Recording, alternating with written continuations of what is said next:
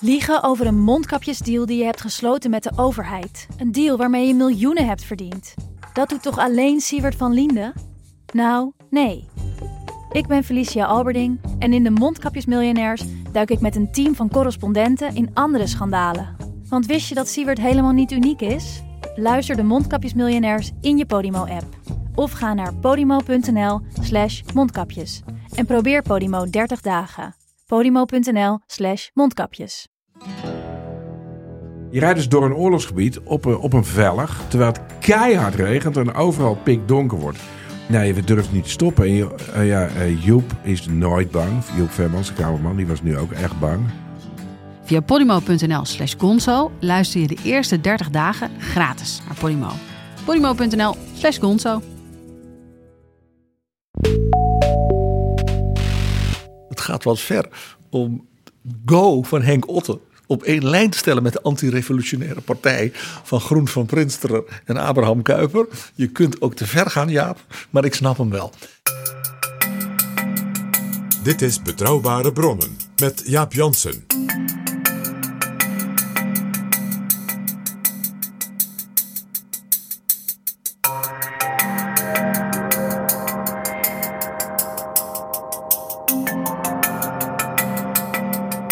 Welkom in Betrouwbare Bronnen, aflevering 75. En welkom ook PG. Dag Jaap, 75 is het. PG, Jawel. ja, gefeliciteerd. En het is 2020, ook gefeliciteerd. Ja, deze aflevering gaan wij, eh, net als was het niet aflevering 18, Ja, dat we vooruitkeken naar 2019. dat was aflevering 18, dat is alweer een tijdje geleden dus. En Wim Kam die vroeg zich altijd af, waar gaan we in het nieuwe jaar naartoe? En had in een lied bij. Waar gaan we in het nieuwe jaar naartoe? Zullen we vechten of nog eenmaal rustig praten? Jij als historicus, jij bent nogal geneigd eh, zaken aan, aan, aan jaartallen te koppelen. En als jij dan ziet 2020, dan denk je, oh, 50 jaar geleden, 75 jaar geleden, 100 jaar geleden, honderden jaren 200 geleden. jaar geleden, Ja, 400 jaar geleden. eh, nou, Dan Jaap, blijken we ineens aan de vooravond te staan van een heleboel herdenkingen. Ja, zet je schrap. Jaap Jansen en Pieter Gerrit Kroeger duiken in de politieke geschiedenis. 2020 is een historisch jaar in de historie. Eh, ons eigen land, Nederland, Europa, maar de hele wereld zal hele bijzondere gebeurtenissen en mensen herdenken, daaraan herinneren, eh, daar stil bij staan, die de cultuur, de geschiedenis zelf en ook de politiek ja, hebben gestempeld. Die daar echt onvergetelijke dingen hebben gedaan of gezegd of gecomponeerd of geschilderd. eh, die als het ware eh, tot de dag van vandaag voor ons van grote betekenis Met andere woorden, jij neemt ons nu al een klein beetje mee in die 365 dagen die voor ons liggen. En waarbij dus de ongelooflijke actualiteit van de historie. eh, eigenlijk bij elk punt wat ik zal aanstippen. eh, hoop ik ook voor de luisteraar er meteen uitspringt. Of het nou grote kunstenaars zijn waar we aan denken. Aan gruwelijke uitvindingen van de meest briljante mensen.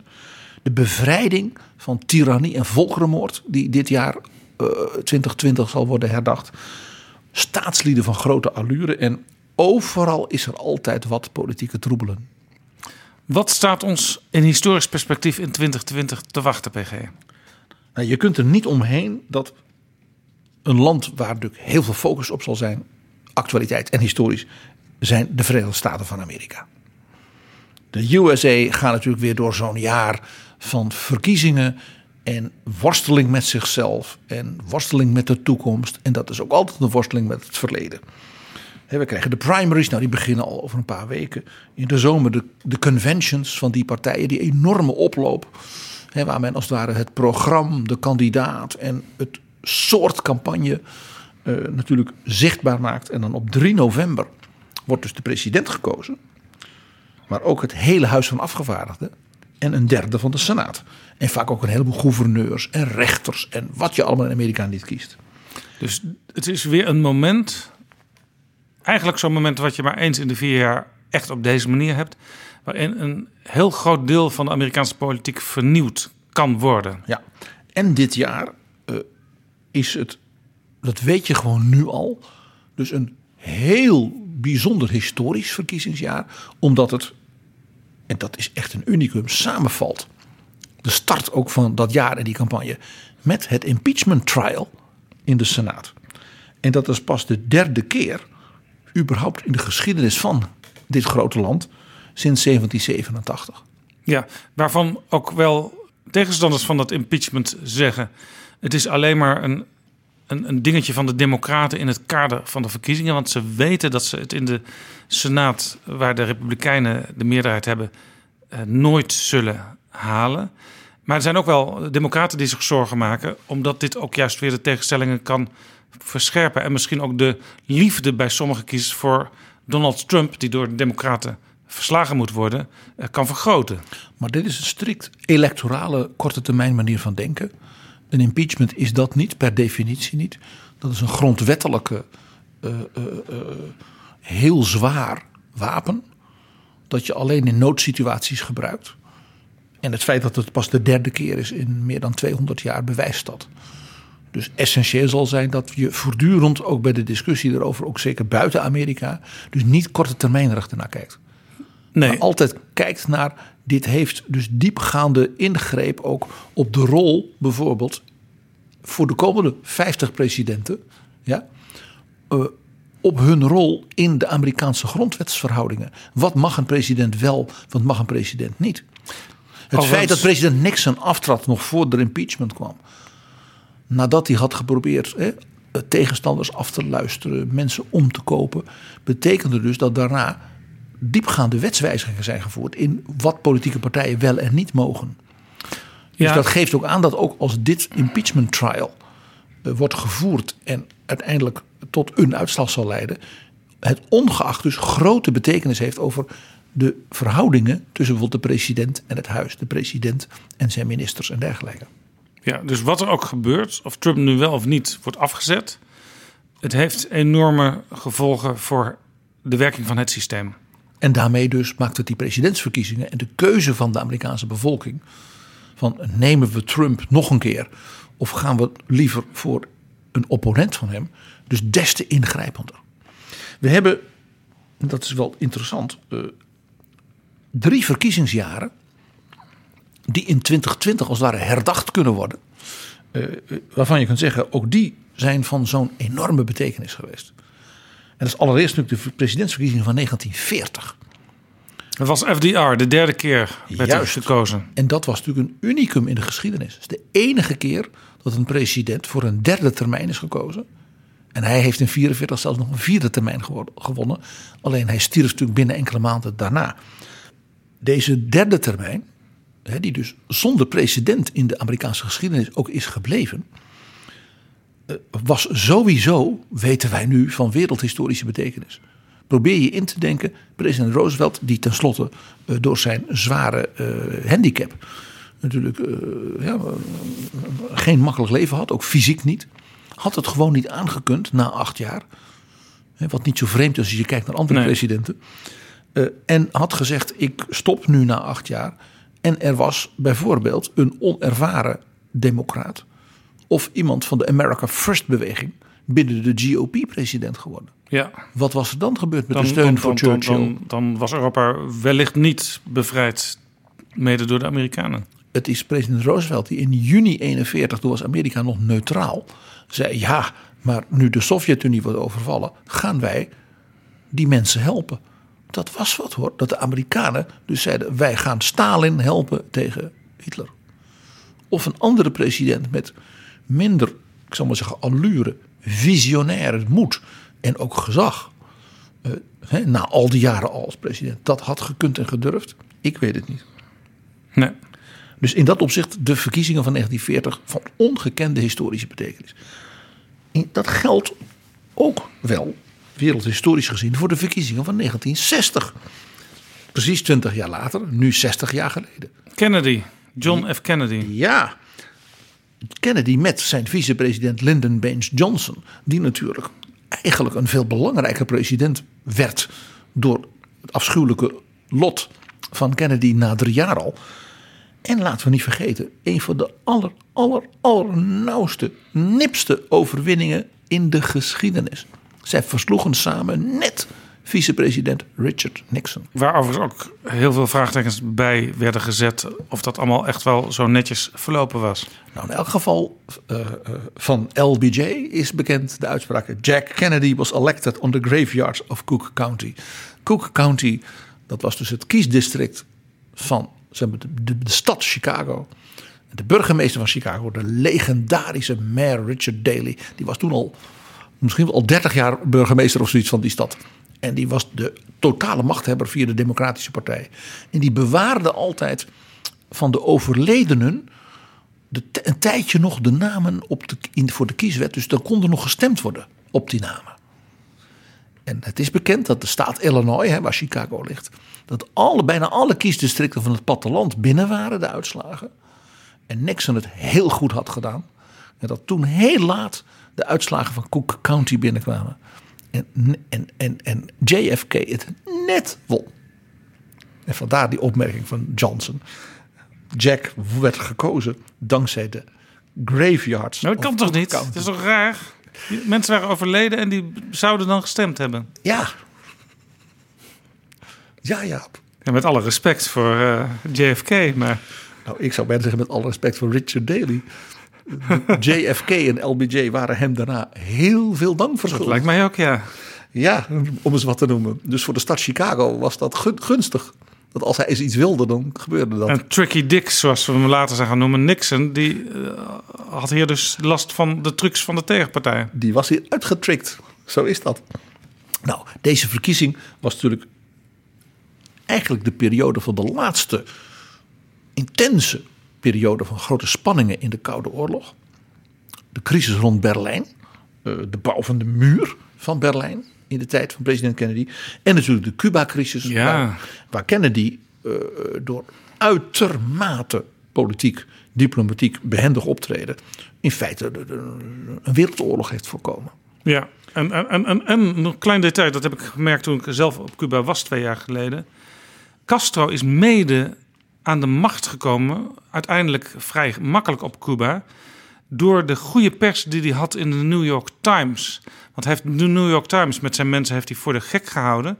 Die hadden een journalist regelmatig over de vloer in de binnenlanden van Cuba, waar ze zich voorbereiden op de trek naar de steden om uiteindelijk de macht over te nemen. En die journalist die schreef dat ze een enorme hoeveelheid soldaten hadden. Dat was helemaal niet zo. Ze draaiden een soort van rondjes. Maar die journalist die stond op dezelfde plek waar te nemen. En die zag steeds weer meer soldaten. Uh, niet wetende dat al, bij wijze van spreken, al tien keer dezelfde soldaten langsgelopen waren. Dat stond dus in de New York Times. De Amerikanen dachten, die, die Castro en zijn mensen die zijn onoverwinnelijk. En we moeten het hun maar gunnen en proberen met ze samen te werken. En dat was dus het begin van alle ellende daar. De truc van de nazi's met de Luftwaffe. Die bij luchtshows als de buis van de gast waren. Dezelfde 25 vliegtuigen voortdurend lieten rondvliegen. En dan leek het alsof de Luftwaffe enorm was. Dus let op mensen als je denkt, uh, hoe staat het met de kracht van mijn vijand?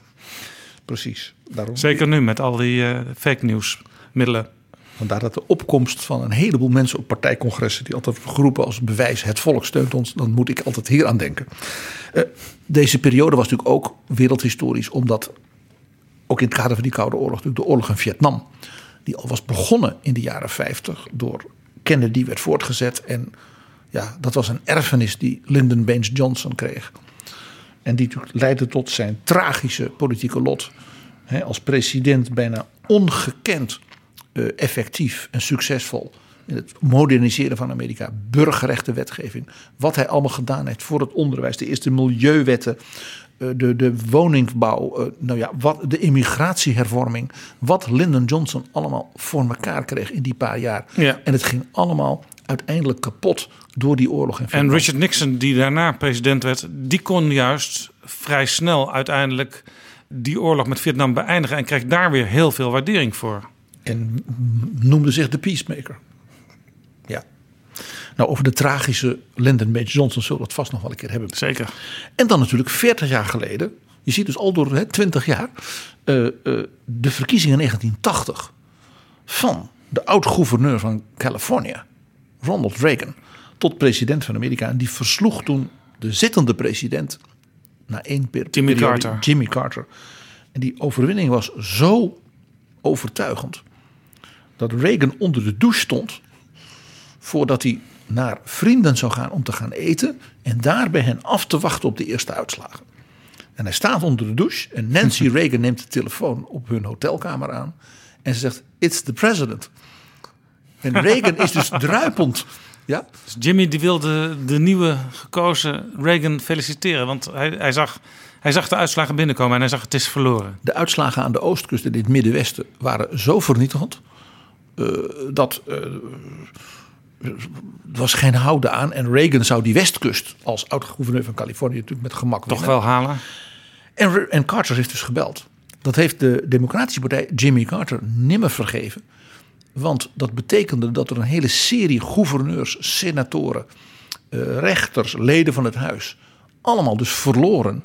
omdat de achterban van de Democratische Partij zo teleurgesteld was. Reagan heeft al gewonnen. dat ze niet meer zijn gaan stemmen. Want de stembussen waren voor een deel nog open. Precies. En ellende, de ellende van Carter was natuurlijk dat toen de gijzeling plaatsvond in de Amerikaanse ambassade in Teheran. En ja, als je midden in zo'n gijzeling zit, dan is dat niet, niet natuurlijk een garantie voor succes, zou ik maar zeggen, bij verkiezingen. Carter was volkomen vervreemd van zijn partij. Eh, ook in het parlement, eh, het huis en de senaat. En dit was eigenlijk een bewijs ervan dat hij ook niet nadacht. Of misschien zelfs dat het lot van die mensen hem niks kon schelen. En vandaar dat de verhouding tussen Jimmy Carter en zijn partij altijd tot de dag van vandaag dus een heel afstandelijk is Maar gelegd. het gekke is wel dat hij wel. Hij is inmiddels heel oud, maar hij is nog steeds. Hij bouwt huizen voor arme mensen en zo. Hij heeft in die zin wel een soort van goede opa-imago. Ja, hij heeft een, een, een, zeg maar, zijn reputatie als volkomen mislukte eh, president. Door zijn post-presidential career, zoals we het noemen, natuurlijk heel erg mooi. als ware ja, gecompenseerd. Ja, zoals trouwens eh, Nixon dat later ook deed door veel eh, te publiceren over internationaal, over buitenlands beleid. Ja, nou, de verkiezing van Ronald Reagan was natuurlijk ook het begin van een echt nieuw tijdperk. Het was het post-Vietnam, dat laten we achter ons. Het was ook het einde van de détente met de Sovjet-Unie. Hè, Het was weer hardere politiek. Leidt ons eigenlijk vrij snel, al onder eh, Reagans eh, termijn, tot een einde van de Koude Oorlog. Door de, de overeenkomsten die hij natuurlijk met Gorbachev en zo sloot. Ja, ja, interessant. Even nog de Koude Oorlog nog wat ijziger maken. Waardoor die uiteindelijk voltooid kon worden en beëindigd kon worden. Ja, en daarmee was het was 1980 ook eigenlijk een periode van 30 jaar on, ongebreidelde dominantie in de Amerikaanse politiek. Ja, voor mij Van is, de Republikeinen. Het is 1980, het is alweer 40 jaar geleden, maar voor mij is, is het echt alsof het gisteren was. Ja. Je had dus president Reagan, acht jaar lang. Vier jaar lang zijn vicepresident Bush senior. Acht jaar lang Clinton, maar gedomineerd politiek door de, door de Republicans. En daarna acht jaar lang Bush junior. Dus dat is een hele lange periode. Waarbij dus de Barack Obama dus een belangrijke inbreuk was. En één ding kun je niet zeggen. Je kunt niet zeggen dat Trump nou een klassieke republikeinse president is. Nee, zeker niet. Nee, dus wat dat betreft, eh, dit is echt die 30 jaar, zijn eigenlijk de, de Reagan-jaren, met als laatste van, die, van die, die denklijn, die stroming, Bush junior. Ja. Dus Amerika, ik zei het al, hè, drie presidentsverkiezingen uit het verleden, hè, waar we op terug kunt kijken van grote historische betekenis. En de komende zal hoe dan ook, wat de uitslag ook is, ook zelf van grote historische betekenis zijn. ja. Ander punt. Wat gaan we nog meer herdenken in 2020? Ja, 2020, je zult het mij vergeven als muziekliefhebber. Het is het grote Ludwig van Beethoven jaar.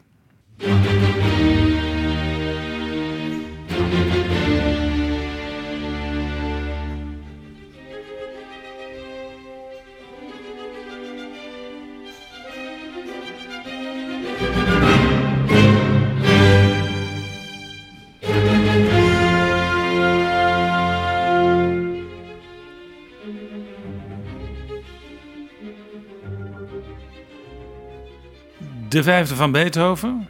De opening van zijn vijfde symfonie. En je hoort al, dit is een componist eh, 1810 van revolutionaire zeggingskracht. Bijvoorbeeld dat je dus niet, hè, laten we eerst eens even wat fluiten en dan wat, en dat, hè, wat violen. Het staat meteen. Als een huis. Als een huis. En eh, het leuke is, je weet PG, ik zit heel erg aan de popmuziek. Dat ook in de popmuziek heel vaak die variatie van de Fifth of Beethoven gebruikt is. Ook in disco-muziek en zo. Je hoort het altijd weer terug. En heel historisch. Denk aan de herdenkingen komend jaar van de Tweede Wereldoorlog. Tatatatam was het geluid van de BBC bij zijn uitzendingen voor bezet Europa. Een soort morsecode was het. Ja.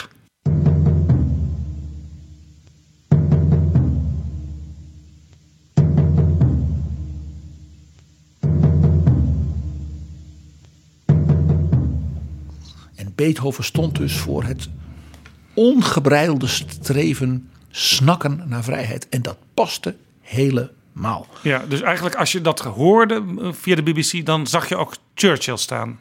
en Beethoven. Ja, Beethoven was een in zijn tijd eh, liberale, revolutionair. Hij, was, hij snakte naar meer vrijheid. eh, komt in heel zijn werk ook voortdurend naar voren. Het was een moeilijke man, moeilijk karakter. eh, maakte met veel mensen ruzie. Was onbuigzaam als kunstenaar. Zijn manier van denken. Het was zeer gedreven kunstenaar. En werd al heel jong doof probeer je in te denken, jij bent dus een componist van een revolutionair muzikaal oeuvre. En de laatste vele jaren van je, van je leven kun je niet zelf horen wat jij componeert. Alleen dus door de trillingen van de piano, van het orkest, ja, kon hij horen wat ze spelen. Ja, nu worden heel veel mensen doof in muziekzalen. En daar zijn zelfs tegenwoordig ook oordopjes voor als je de zaal binnengaat. Zeker bij, bij harde concerten. Eh, maar toen was er nu nog natuurlijk geen versterkt geluid. Dus het, het, het klonk eigenlijk allemaal heel natuurlijk toen ja, nog. Ja, ja, ja. Hij, het was dus echt een, ja, door, door, door een ziekte dat hij dus eigenlijk als jong man al vrij snel doof werd. En op een bepaald moment helemaal doof. En als je dan je vak is, componist, en je bent zo geniaal. Wat een tragisch iets. Ja. Nou, heeft een grote oeuvre. Er is echt heel veel van Beethoven. Van alle mogelijke soorten muziek. Het beroemdste is natuurlijk zijn negen, negen symfonieën. Interessant is dat dat een soort eh, standaard werd. Als je nagaat, Schubert heeft enorm zijn best gedaan in zijn jonge leven om ook negen symfonieën te schrijven. De laatste symfonie van Bruckner is, je raadt het al, zijn negende symfonie. Dus hij heeft eigenlijk de standaard gezet, Ja, Beethoven. en Mahler, Gustav Mahler, die komend jaar in Amsterdam natuurlijk groot wordt herdacht met het Mahlerfestival. Want dat was in 1920 in Amsterdam en dat gaat nu weer. Mahler heeft zelfs geprobeerd een beetje te smokkelen door geen negende symfonie te schrijven. Eh, want eh, die was bijgelovig. En die dacht, na die negende symfonie ga je dood. Net als Ja, Schubert en net ja. als Beethoven. Dus na zijn achtste symfonie schreef hij Das Lied von der Erde. Wat in feite een liederencyclus is in een soort symfonisch werk op Aziatische gedichten. Toen heeft hij uiteindelijk toch een negende symfonie geschreven. En je raadt het al, zijn tiende symfonie is nooit afgekomen. Want Gustav Mahler stierf heel plotseling, heel snel. Doet mij ook denken Na zijn negende symfonie. doet me ook denken aan hotels in, en andere gebouwen in Azië waar je geen dertiende verdieping hebt. Ach ja. Nou, eh, Beethoven begon dus als jong componist, als twintiger, natuurlijk in de stijl van Mozart. En vooral van de leermeester van zowel Mozart als Beethoven, Haydn. Dus die, die, die hele soepele, eh, verfijnde eh, eh, rococo-muziek. Maar Beethoven was een revolutionair, ik zei het al. Ook in zijn denken, politiek en cultureel. En die brak dus de conventies open. En het hele idee van de klassieke symfonie, als een soort bouwwerk, dat is toch in belangrijke mate het werk van Beethoven. Ja. En het beroemdste, de echte revolutie die dat voor het eerst liet zien, was zijn derde symfonie. Dus al vroeg in zijn werk. Dat echt zo'n totaalbeeld van muziek is. En waar als het ware een soort programma doorheen zit. Het zijn dus niet alleen maar hele mooie melodieën. Maar van de eerste maat, net als die vijfde met boem, boem, boem, ja, die, die derde heeft dat als voor het eerst. Van begin tot eind, dat is één bouwwerk. En dat was ook bewust, dat wilde hij ook, want hij had het opgedragen aan iemand, aan zijn held, aan zijn idool. Het was een portret van zijn idool, En dat was Napoleon Bonaparte. Napoleon. de revolutionaire leider die Frankrijk dus ja, Moderniseerde. moderniseerde. En dus Frankrijk als consul, want dat was het. Ja, dus een Romeinse republiek hè, zou maken. En heel Europa zou dus een Romeinse democratische vrijheidsrepubliek worden. werd, Beethoven, werd Beethoven eigenlijk wel serieus genomen? Want je had het net al over dat er heel veel van die verfijnde eh, muzikanten, componisten waren. En hij ging daar dus op een bepaalde manier dwars doorheen. De hoogbejaarde Haydn heeft, nog, heeft over Beethoven nog gezegd dat hij er niet heel veel van begreep, hij zelf. Maar wist Dat het bijzonder was. dat, dat wat voor toekomst dit zou brengen, kon hij zich niet meer indenken. Ja, het, was, het ging zijn verstand eigenlijk te, te boven. En dat maar bewonderde hij zag wel dat er iets in zat. Hij bewonderde het, absoluut. Nou, de symfonie is klaar, opgedragen aan Napoleon. En Beethoven ziet de krant in Wenen. Napoleon heeft zichzelf uitgeroepen tot keizer van Frankrijk. en de revolutionair Beethoven was zo boos. Ja. Die voelde zich zo verraden door Ineens zijn toch held. weer naar de oude tijd. Met, Een Napoleon. keizer, zoals ze in Wenen ook hadden. Hij wou daar vanaf van dat gedoe.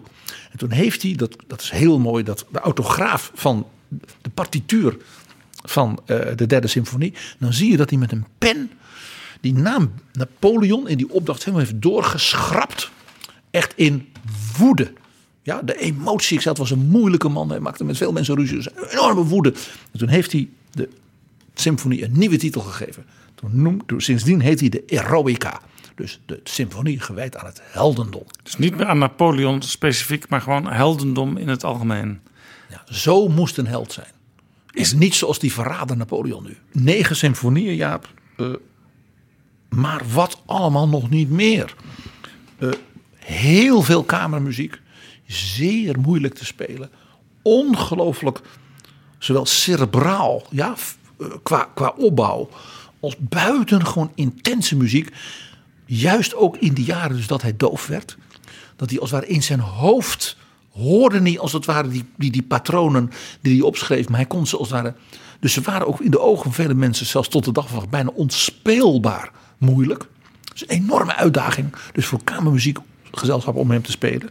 Denk aan zijn pianosonates. Wat zijn er niet een beroemde sonates? Vuur Elise, de Mondshine sonate, Appassionato. Is een enorme nou, bibliotheek aan pianomuziek. Het is een goede, een, een, een goede pianist. Die kan soms toch wel drie, vier, vijf maanden studeren op een stuk van Beethoven om het helemaal goed te kunnen spelen. Ik sprak jaren geleden de toen nog heel jonge Russische pianist Yevgeny Kissin. En toen wij hem vroegen, mijn vriend Dimitri en ik vroeg, vroegen hem: van, ga je nu nog verder eh, je verdiepen in Liszt en bijvoorbeeld een aantal Russische pianisten? En toen zei hij: "Buh, Liszt, Liszt, Beethoven, Beethoven. Die was dus op een leeftijd dat hij ontdekte dat als je zo'n ongelooflijk goed pianist bent als hij is, dat hij zich helemaal verdiepen. Ja. Dus zijn laatste CD's met Beethoven sonates, die zijn ook zeer aanbevolen. Nou, dat zijn natuurlijk de vijf pianoconcerten. Dat zijn bijna symfonieën met een piano erbij. Dat is ook een, iets wat hij echt heeft ontwikkeld als verschijnsel. Hij heeft één vioolconcert slechts geschreven, maar dat is dan ook, eh, dat is dan ook behoort tot de top. Er is maar één opera van, van eh, Beethoven. Hoewel hij dus ook heel mooi voor stemmen, voor stemmen schreef. Maar hij kwam er niet aan toe om van toneelstukken die hem inspireerden, om daar als het ware een stuk van te maken. Die opera is Fidelio, is wel helemaal Beethoven. Dat is zeg maar de ultieme opera over het snakken naar de vrijheid. Waarbij een vrouw de gevangenis insluipt, waar haar man door een vreselijke tiran is opgesloten en hij, zijn leven hè, in gevaar is. En hij vermomt zich als jongen om hem te helpen bevrijden. We hadden het net even over Fidel Castro. Misschien is hij wel mede geïnspireerd, zijn naam, op deze, dit stuk Fidelio. Dat denk ik niet. Fidel is een gewoon Spaanse naam voor. Dat betekent geloof. De, de, de, de, de, de vrouw die zich dus vermomt als Fidelio, hè, dus die jongen, is Leonore. En dat leidt dus tot de beroemde ouvertures Leonore 1, 2 en 3. Want Beethoven heeft drie verschillende ouvertures geschreven om deze opera in één kort stuk van zeg maar acht minuten samen te vatten. En dat geeft dus ook aan hoe hij dus enorm worstelde met wat wil ik zeggen. Hoe hij dus die vrijheidsgedachte als in één korte intro van die opera eh, zou kunnen samenvatten. En die ouvertures worden heel wat vaker gespeeld dan de opera. Nou, hij heeft ook heel veel prachtige liederen geschreven. Eh, ook bijvoorbeeld toneelmuziek. Eh, het toneelstuk Egmond van Goethe, daar is hij weer. Oh ja. Daar heeft hij toneelmuziek bij geschreven. En met name ook de ouverture daarvan wordt nog veel gespeeld. Schitterend stuk. En ook weer typisch Beethoven. Dat gaat over de edelman Egmond. Hè, die dus zijn leven gaf voor de vrijheidsstrijd tegen Spanje. Door Bekend Nederlanden. het Egmond Paleis. Het Egmondpaleis, precies. Dus hij was een, iemand die zocht naar bevrijders en bevrijding. Eh, eh, dat inspireerde hem dus tot zijn beste muziek. Maar hij heeft ook hele mooie religieuze liederen geschreven. Bijvoorbeeld het oratorium Christus am Eulberg. Ongelooflijk mooi, waarin hij zich dus verplaatst in de persoon Jezus. Voordat hij verraden wordt en gekruisigd. En de worsteling van Jezus, die weet wat er met hem gaat gebeuren. En dan smeekt, moet dit en dat is zeer aangrijpend. Zeker als je denkt aan Beethovens eigen leven. Die wist dat hij natuurlijk steeds dover werd. Dat er een eind zou komen aan zijn talent. Dat hij op een bepaald moment niet meer zou kunnen. En zich dus kon identificeren met het lijden van Jezus. Ja. En het mooie is, Betrouwbare wordt wel een politieke podcast genoemd, maar jij noemt natuurlijk Napoleon vanwege zijn kunst- en cultuur betekenis, maar je eh, bedt het meteen ook in, in een ja, politieke omgeving waarin Beethoven eh, werkte. Een man van zijn tijd. En, en dan zie je dus weer hoe vaak hebben we hebben het al vaker gehad. Dat, dat zo'n toneelstuk van Goethe. Daar is die weer. Hè, zei ik ook een beetje spot over mezelf. Eh, maar dat is dus een. Ja, dat grijpt dus een groot muzikus aan. Ja, die zich door- een. Een Napoleon dus verraden voelt in zijn vrijheidsgedachten. En dan teruggrijpt op de Nederlanden in de 16e eeuw. Als inspiratie. Ja, dichterbij in de tijd, hoewel, inmiddels alweer 75 jaar, bevrijding in 2020. ook weer bevrijding die we van in de 20e eeuw eh, eh, mogen herinneren. De nederlaag van het Nazirijk, de nederlaag van keizerlijk Japan, betekent ook 75 jaar kernwapens in de wereld. Ja, waar we nu op dit moment heel actueel mee worstelen, omdat het, eh, het verdrag wat de kernwapens had moeten, voor grotendeels had moeten afbouwen, dat is door de, de Russen en de Amerikanen eigenlijk eh, ja, eh, de, grote streep doorgehaald. Dat is opgezegd. Ja. En eh, ja, wat moeten we nu? Dus, dus ook, ook na 75 jaar worstelen we opnieuw met dat fenomeen kernwapens. En iedereen heeft het dan natuurlijk begrijpelijk over Hiroshima en Nagasaki. Maar ik zeg nee. Het echte moment was juli 1945. Bij het stadje Alamogordo in de woestijn in New Mexico was men, omdat daar omheen echt helemaal niks was. Een testplaats Een kale ruimte. ja, een testplek bedacht om de allereerste atoombom eh, die men had ontwikkeld eh, in Los Alamos, even verderop in New Mexico, om die te testen. Doet het ding het ook als je hem aanzet? En wat gebeurt er dan? Want men had alleen dus maar theoretische eh, zeg maar, besommingen van wel de, ongeveer de meest briljante eh, beta's. eh, ja? Maar Ja, toch, het was niet zoals Noord-Korea dat nu eh, elk half jaar wel een keer een proef doet. Ja, dat was nog nooit gebeurd. Het was een theoretisch concept. En president Roosevelt had dus in het diepste geheim toegestaan daar miljarden in te steken. Jawel. En die testplaats heette Trinity. Trinity, dat is een christelijk begrip. Drie eenheid. Ja. Het redden van de christelijke beschaving. Want de drie eenheid is de Vader, Zoon en de Heilige Geest. Ja. En hij werd uitgetest. En hij deed het. En hij deed het niet een klein beetje. Het was veel heftiger dan zelfs de rekenmeesters hadden gemaakt. Ze wisten dus dat, ze, dat dit hun kon helpen aan die vreselijke, maar nog steeds voortslepende bezettingen en oorlog een eind te maken. Al was het maar om ermee te kunnen dreigen. Dat was ook het idee. Dus de generaal die zeg maar de chef was, Leslie Groves, van dat hele proces in militaire zin, er was natuurlijk ook een civiele wetenschappelijke zin, dat was Robert Oppenheimer, was daar de baas. Die heeft toen dus president Harry Truman, die was dus net president hè, in juli 45. Roosevelt stierf op 12 april. Ja. En de president Harry Truman was niet in Washington.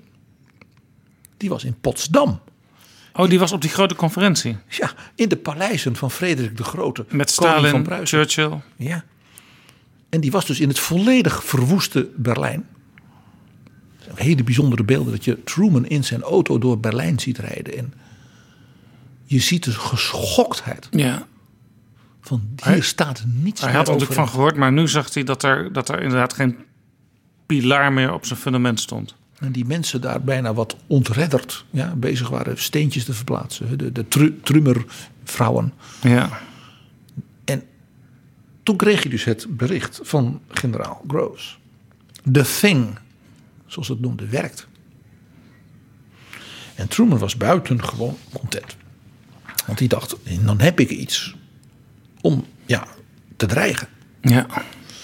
En hij dacht, weet je wat, ik informeer Stalin, want die is hier toch met mij aan het vergaderen. Churchill was En, en, en, en ik, ik, of althans eh, mijn land, mijn voorganger, werkte al zo goed samen met deze meneer Stalin. En Churchill wist ervan. Al uit de tijd van Roosevelt. Ja, die, werd natuurlijk, die werd natuurlijk gewoon op veiligheidsniveau eh, voortdurend ingelicht over ontwikkelingen. Nog interessanter, weet je nog uit het gesprek met Andrew Roberts. Het waren de Britten die waren begonnen met deze technologie. Onder de codenaam Tube Alloy Ja. in Canada. En de Amerikaanse geleerden, de Canadese geleerden, zijn die kennis gaan delen. Toen heeft Roosevelt gezegd, ik ga daarin investeren. Dat kunnen de Britten en de Canadezen Nee. niet. Dat was een co-productie, waarbij de Amerikanen volledig de baas waren. Want zo was Roosevelt wel. nou, dus Truman... Maar Stalin kreeg dat dus te horen. Stalin werd dus door Truman geïnformeerd. En die zei, ik wil u iets vertellen. Mijn militairen en geleerden hebben een superwapen ontwikkeld. En dat hebben ze getest. En het ding doet het. En daarmee is het klaar om te gebruiken tegen Japan. Als dat nodig is, als de Japanners niet begrijpen dat ze moeten overgeven. En toen gebeurde dit. De Wожd, dat was de naam, de leider hè, van Stalin. Die lurkte aan zijn pijp, knikte en zei, dat is een goede zaak. Dus hij deed eigenlijk vrij achterloos, eh, verwelkomde hij het. Ja, goede zaak. Pas veel later drong tot Truman en zijn mensen en de Verenigde Staten door dat Stalin dat al lang wist. Die wist alles. Ja, uiteraard, zou je bijna zeggen met de kennis van nu. Ja, er zaten tussen die geleerden die het hadden ontwerpen mensen die dus eh, als spionnen aan de KGB de laatste stand der dingen en zelfs de kennisontwikkeling doorgaven. Ja. En dat is natuurlijk des te ironischer, want Franklin Delano Roosevelt had niets verteld aan Harry Truman, zijn vicepresident, tot zijn dood. En pas twee dagen na de dood van de president, Ja, de vicepresident wist Is dus- minder dan, dan dan, dan Stalin. een spion van Stalin.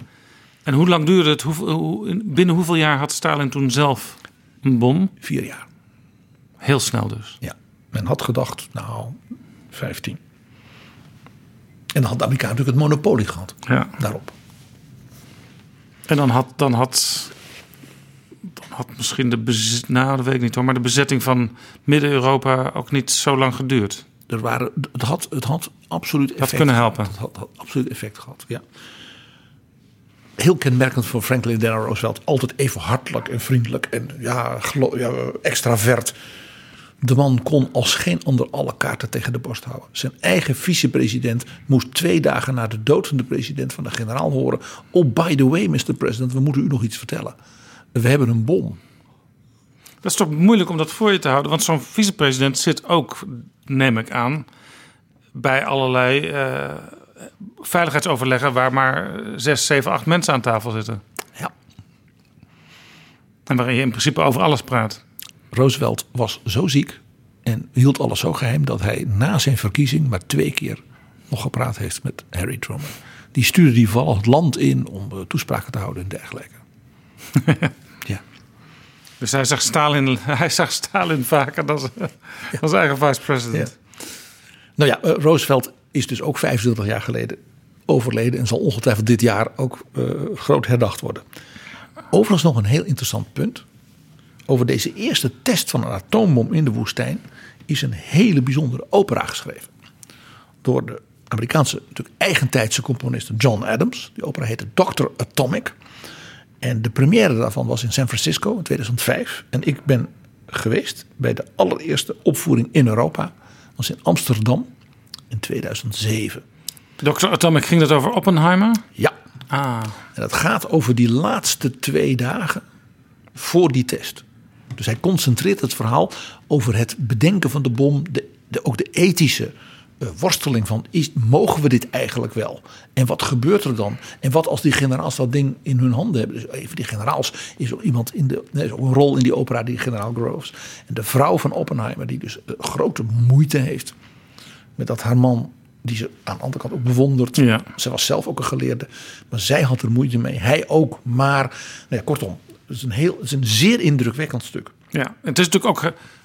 eh, het nucleaire wapen is het, het grote voorbeeld, denk ik, van een dilemma waar je nooit uitkomt. Eh, je kunt daar bijvoorbeeld een oorlog mee beëindigen. Je kunt hem ook mee voorkomen. Maar je kunt ook de mensheid ermee vernietigen. Ja. ja. Het vernuft van mensen is niet alleen maar ten goede. Weet deze Calvinist. Nou, we herdenken natuurlijk in eigen land eh, dit jaar de meidagen van 1940. Ja, die denken we altijd. En de bevrijding in 1945, zowel in Azië als in Europa. Ja. Dat is natuurlijk weer een heel bijzonder herdenkingsjaar. Maar laten we ook niet vergeten dat we dit jaar ook herdenken dat 25 jaar geleden Anne Frank stierf in het concentratiekamp Bergen-Belsen.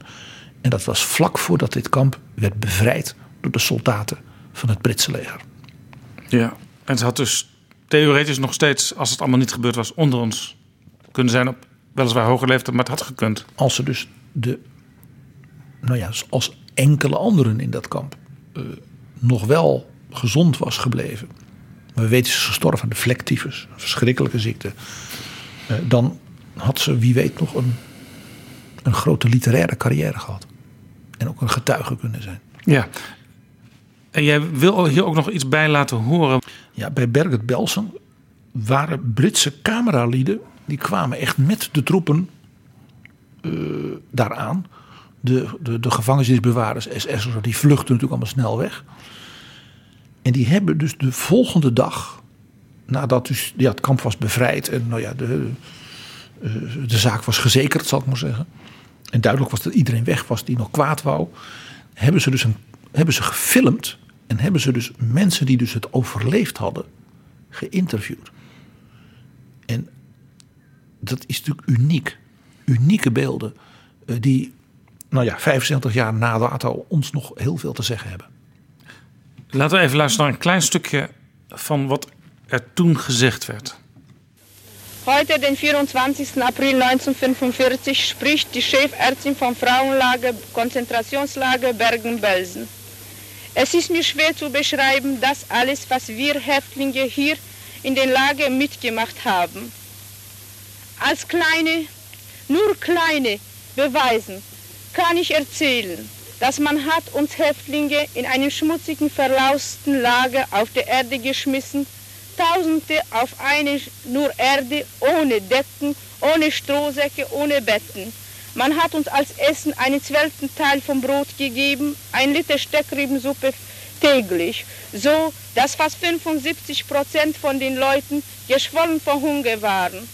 Eine schwere Epidemie, Typhusepidemie ist ausgebrochen und der Hunger und der Typhus hat uns aufgefressen täglich.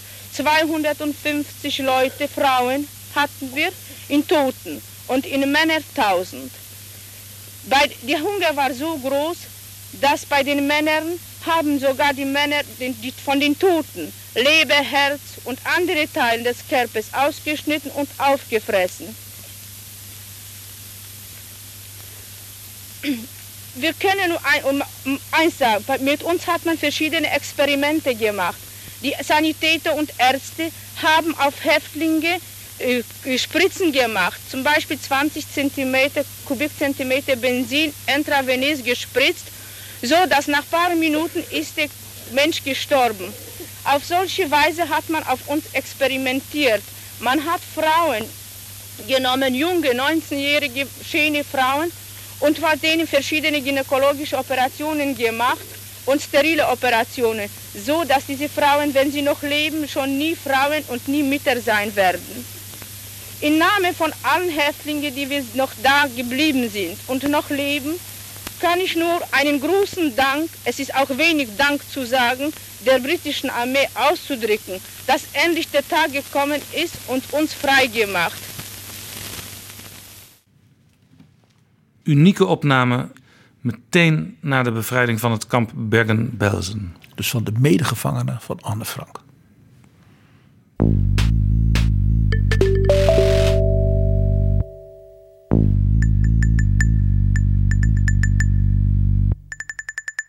Dit is Betrouwbare Bronnen, een podcast met betrouwbare bronnen.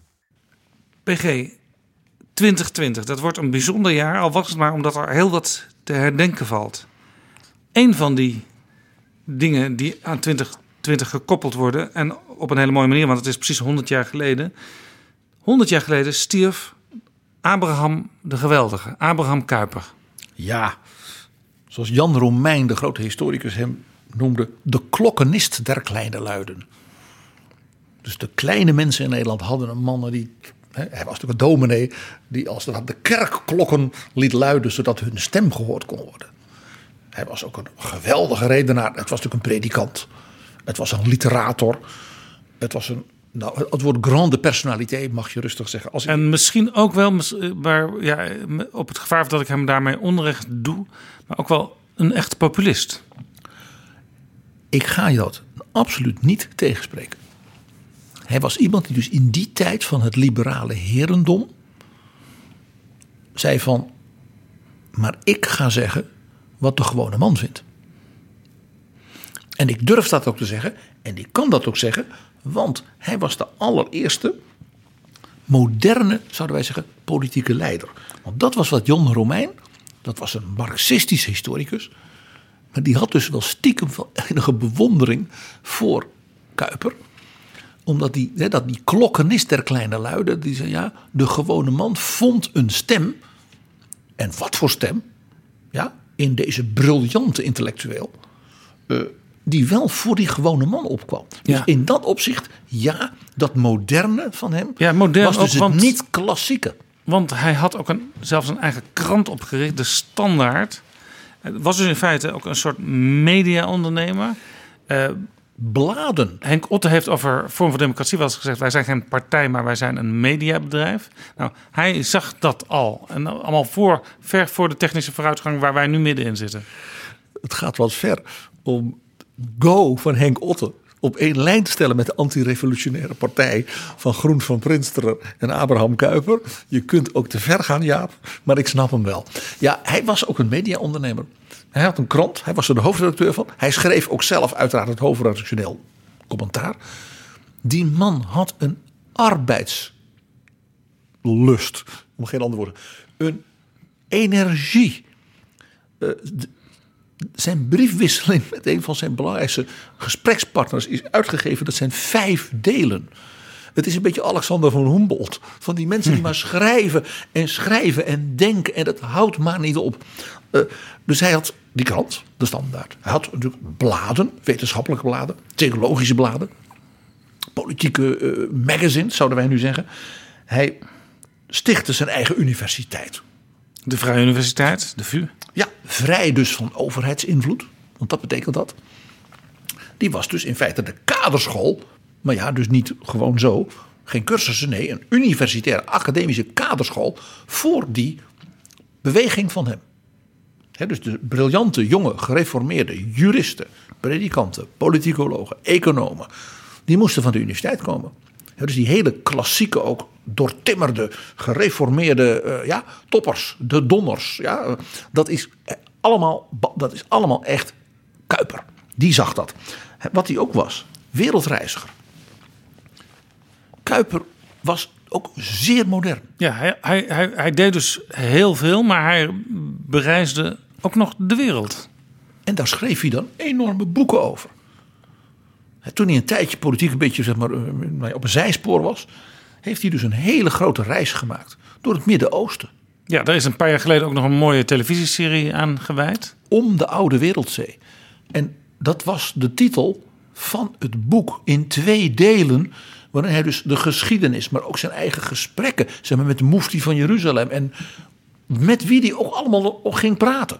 Fascinerende man. Die had dus enorme belangstelling voor de rest van de wereld. Heel bijzonder was de tweede tv-serie over zijn reis door Amerika. Hij zag dat dat Amerika als democratie, industriële macht in opbouw, dat dat de grote wereldmacht aan het worden was. En hij zei, die mensen zijn daar allemaal protestant, althans dat was het beeld. En ik wil daar als Nederlandse Calvinistische theoloog, predikant en politicus rondkijken. Hoe doen zij nou sociale wetgeving, onderwijs, Ja, later heeft, democratie? heeft Jan-Peter Balken in, in zijn voetspoor nog een keer de Kuiper-lezing gehouden. Ook in Amerika. in Princeton, waar zelfs een, waar het Theologisch Instituut een enorm Kuiper-archief heeft. En Kuiper heeft dus toen een, een preektournee gedaan door Amerika. Dus hij kwam ook in Holland en Michigan en ja, en al die bekende plekken. Dus niet alleen maar in New York. Nee, hij ging door het echte Amerika. Met de mensen praten, rondkijken. En hij is dus de allereerste Nederlandse politicus die is ontvangen op het Witte Huis door de president. Een man dus echt in de goede zin van het woord een man van de wereld. Hij was een kerkscheurder. Hij scheurde zijn eigen gereformeerde groep van de hervormde kerk af. Hij was journalist. Hij was een enorme debater en polemist. Hij kon buitengewoon scherp, ja, politiek. Hij was gehaat door koningin Wilhelmina. Die toch heel protestant was. Wilhelmina zei altijd: In zijn ogen zie ik branden de vurige lust de eerste president te zijn van de herstelde Republiek der Nederlanden. Kortom, uitkijken voor die man. Ja. ja, zij was natuurlijk zelf ook nogal een karakter. Dus het botste, zullen we maar zeggen. Ook kenmerkend voor zijn, wat jij al zei, zijn gevoel voor media. Voor, voor beeldvorming, voor hoe je het volk De spotprenten. En er zijn voor weinig Nederlandse politici zoveel spotprenten gemaakt. Van Albert Haan. Johan Brakensiek, eh, al die beroemde tekenaars. Die, ze waren dol op die man. Met dat enorme hoofd, ja, met die eh, zwarte haar en die enorme uitstraling. Daar kon je heerlijk op tekenen. Ja? En hij was natuurlijk controversieel, hij was polemisch, hij was gedurfd. Hij was ook origineel in dingen. Dus dat was altijd feest. En van Albert Haan, dat was de socialistische tekenaar, is die beroemde tekening. Dan zie je alleen maar zijn hoofd. En dan staat er Abraham de Geweldige. Dat was natuurlijk spot.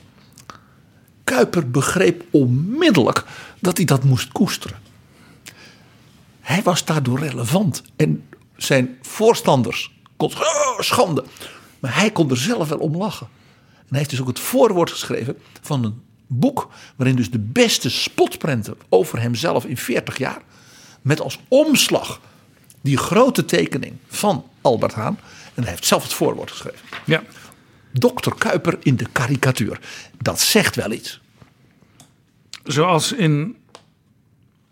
Zoals Ed Nijpels, eh, vroeger leider van de VVD en ook minister, zijn hele werkkamer vol had hangen met spotprenten over hemzelf. En als je meer wil weten over Ed Nijpels, luister dan naar Betrouwbare Bronnen, aflevering 55. Maar dat even terzijde. Ja, maar, Kuiper had dus het gevoel voor zeg maar, de media-impact van spotprenten, karikatuur.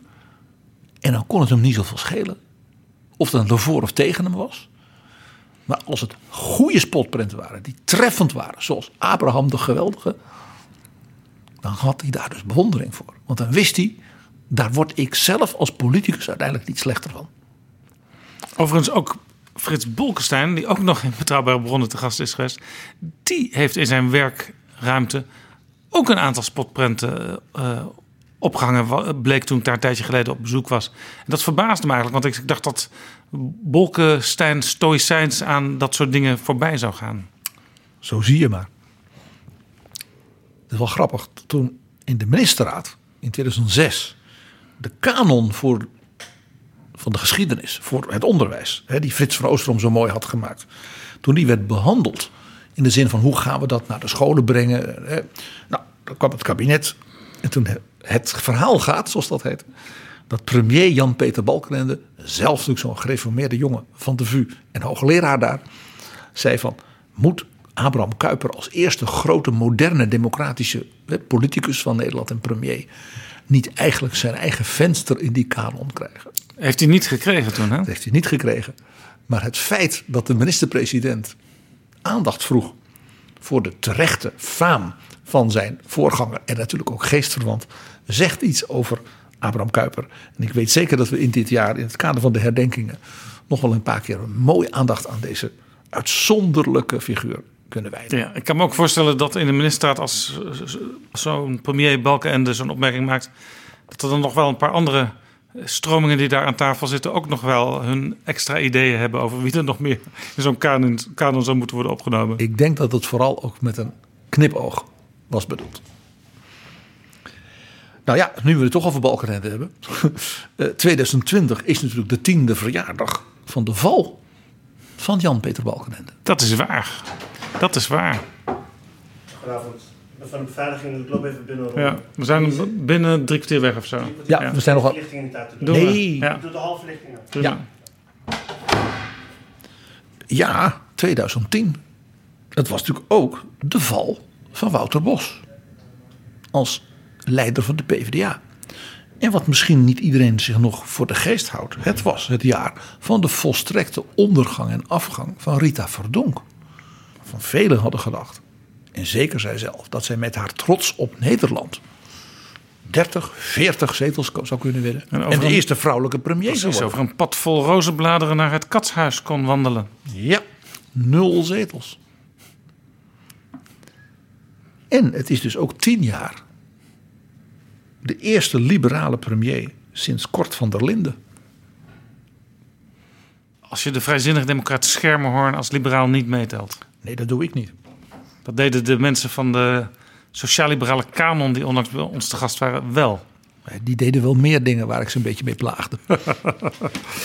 toch, toch even, even Jaap. Dit is natuurlijk toch een ongelooflijk verhaal. Het is nu december 2019. En in zeg maar oktober, november, december 2009, dus tien jaar geleden, was het perspectief heel anders. Velen gingen er toen van uit dat Jan-Peter Balkenende zeer binnenkort inderdaad geen premier meer zou zijn van Nederland. Omdat hij de eerste president van de Europese Raad zou worden. Dat de collega premiers en regeringsleiders hem zouden vragen die nieuwe functie uit het verdrag van Lissabon. Die dus Donald Tusk onlangs ook heeft neergelegd. Maar hij is niet geworden. En hij werd het niet. Het beeld was dat dat dus heel wel had Ja, gekund. dat zullen we nog wel eens uitdiepen, maar dat is gewoon ook tactisch, strategisch niet handig gespeeld toen. Ja, dat, dat Vinden wij nu. zou kunnen, ja. Maar Maar met andere woorden, jij wil zeggen, hoe wij anders hadden dus had het kunnen een gaan? grote Europees leider in ons midden kunnen hebben. Hoe anders had het kunnen gaan? Nee, ik wil vooral laten zien hoe, hoe, Ja. hoe ongewis en hoe veranderlijk en de, de mens wikt en God beschikt eh, het politieke lot is. Balkenende had dus de president van Europa kunnen zijn, de eerste. Hè, de George Washington van Brussel. Dan had hij dat vijf jaar gedaan. Ja, maar ja, Was dan in Nederland natuurlijk gevierd. En hoe had men dan op Balkenende teruggekeken? De man die drie verkiezingen op rij volstrekt onverwacht kon winnen. Het populisme van de LPF ja, had verwoest, de nek omgedraaid. Vier kabinetten geleid. Onder die kabinetten van alles gedaan. Hij had zijn minister van Buitenlandse Zaken, Jaap Hoop Scheffer, doen benoemen tot secretaris-generaal van de NATO. De belangrijkste functies. Hoe anders had het politiek ja, maar PG, as is verbrande turf. En we hadden het vorige aflevering van Betrouwbare Bronnen over nooit gebouwd Den Haag. En dit is een nooit, nooit gekomen belofte. Een nooit gebouwd Den Haag. In spirituele zin. Een beetje zoals dat plein 1945 van Dudok. ja? Met dat enorme regeringscentrum dat er zou komen en niet kwam. Ja. Was er nog meer wat we Ja. kunnen herdenken dit ja, dit, we- nog even die, datzelfde jaar 2010. Dat is, een, dat is een baaierd van aan herinneringen. Nog wel heel, heel, heel dichtbij. Eh, tien jaar gedoogcoalitie Rutte 1, gedoogd door de PVV. Tien jaar dat op een haar na Wie was toen de leider van de PVV? ene Geert Wilders. Oh, die zit er nog steeds. Dus de langstzittende van alles, zo'n beetje. Het was ook tien jaar dat op een haar na iemand anders premier werd dan Mark Rutte. Job Cohen, dat was echt op een haar na. Dat scheelde bijna niks bij de verkiezingen. Of de Partij van de Arbeid onder leiding van Cohen was groter geweest dan de VVD. En dan was de kans dat er een soort paars plus kabinet Cohen was gekomen. Zeer aanzienlijk geweest.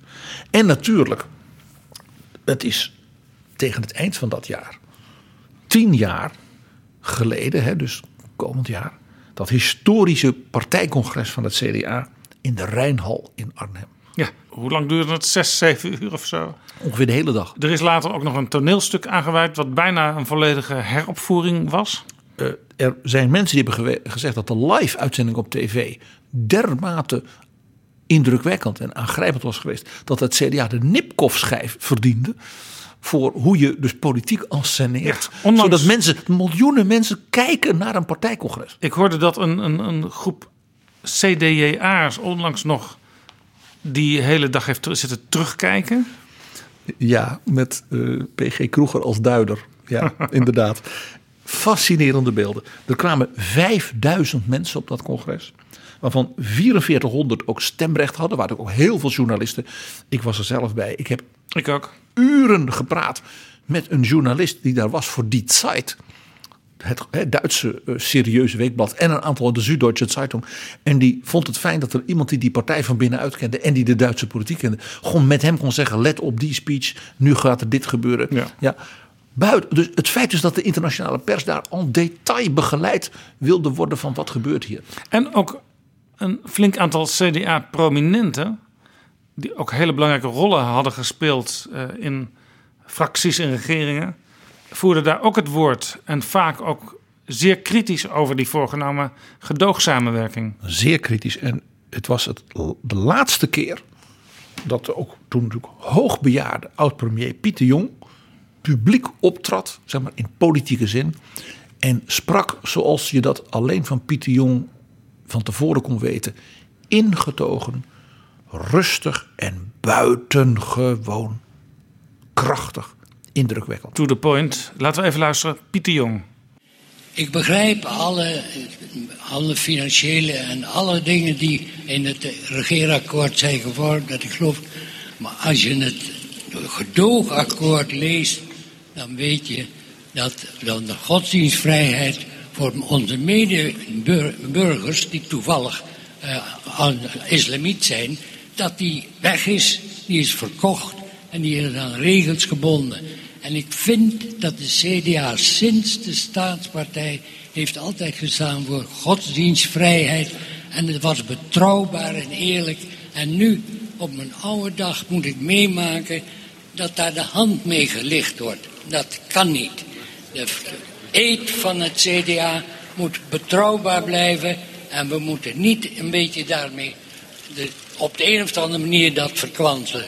Dus ik ben, hoe zeer het me ook spijt, ben ik volstrekt tegen deze overeenkomst. Dank u wel, meneer de Jong. Dank u wel.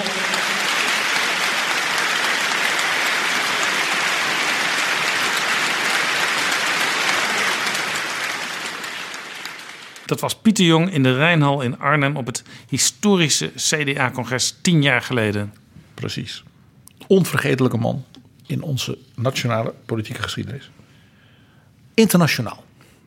2020. Iets wat veel mensen misschien al een klein beetje vergeten zijn. 30 jaar Desert Storm. De Golfoorlog. De Golfoorlog. Het Irak van Saddam Hussein dat Kuwait binnenvalt, verovert. En ook dreigt de olievelden van Saudi-Arabië in te nemen. En daarmee ja, een soort wereldmacht te zijn die kon beslissen ook over de wereldeconomie. En daarmee dus ook politieke druk kon hebben. Waarbij dus president Bush senior een coalitie sloot om, om Kuwait te bevrijden. Dat begon dus in augustus 1990 door die inval in eh Kuwait.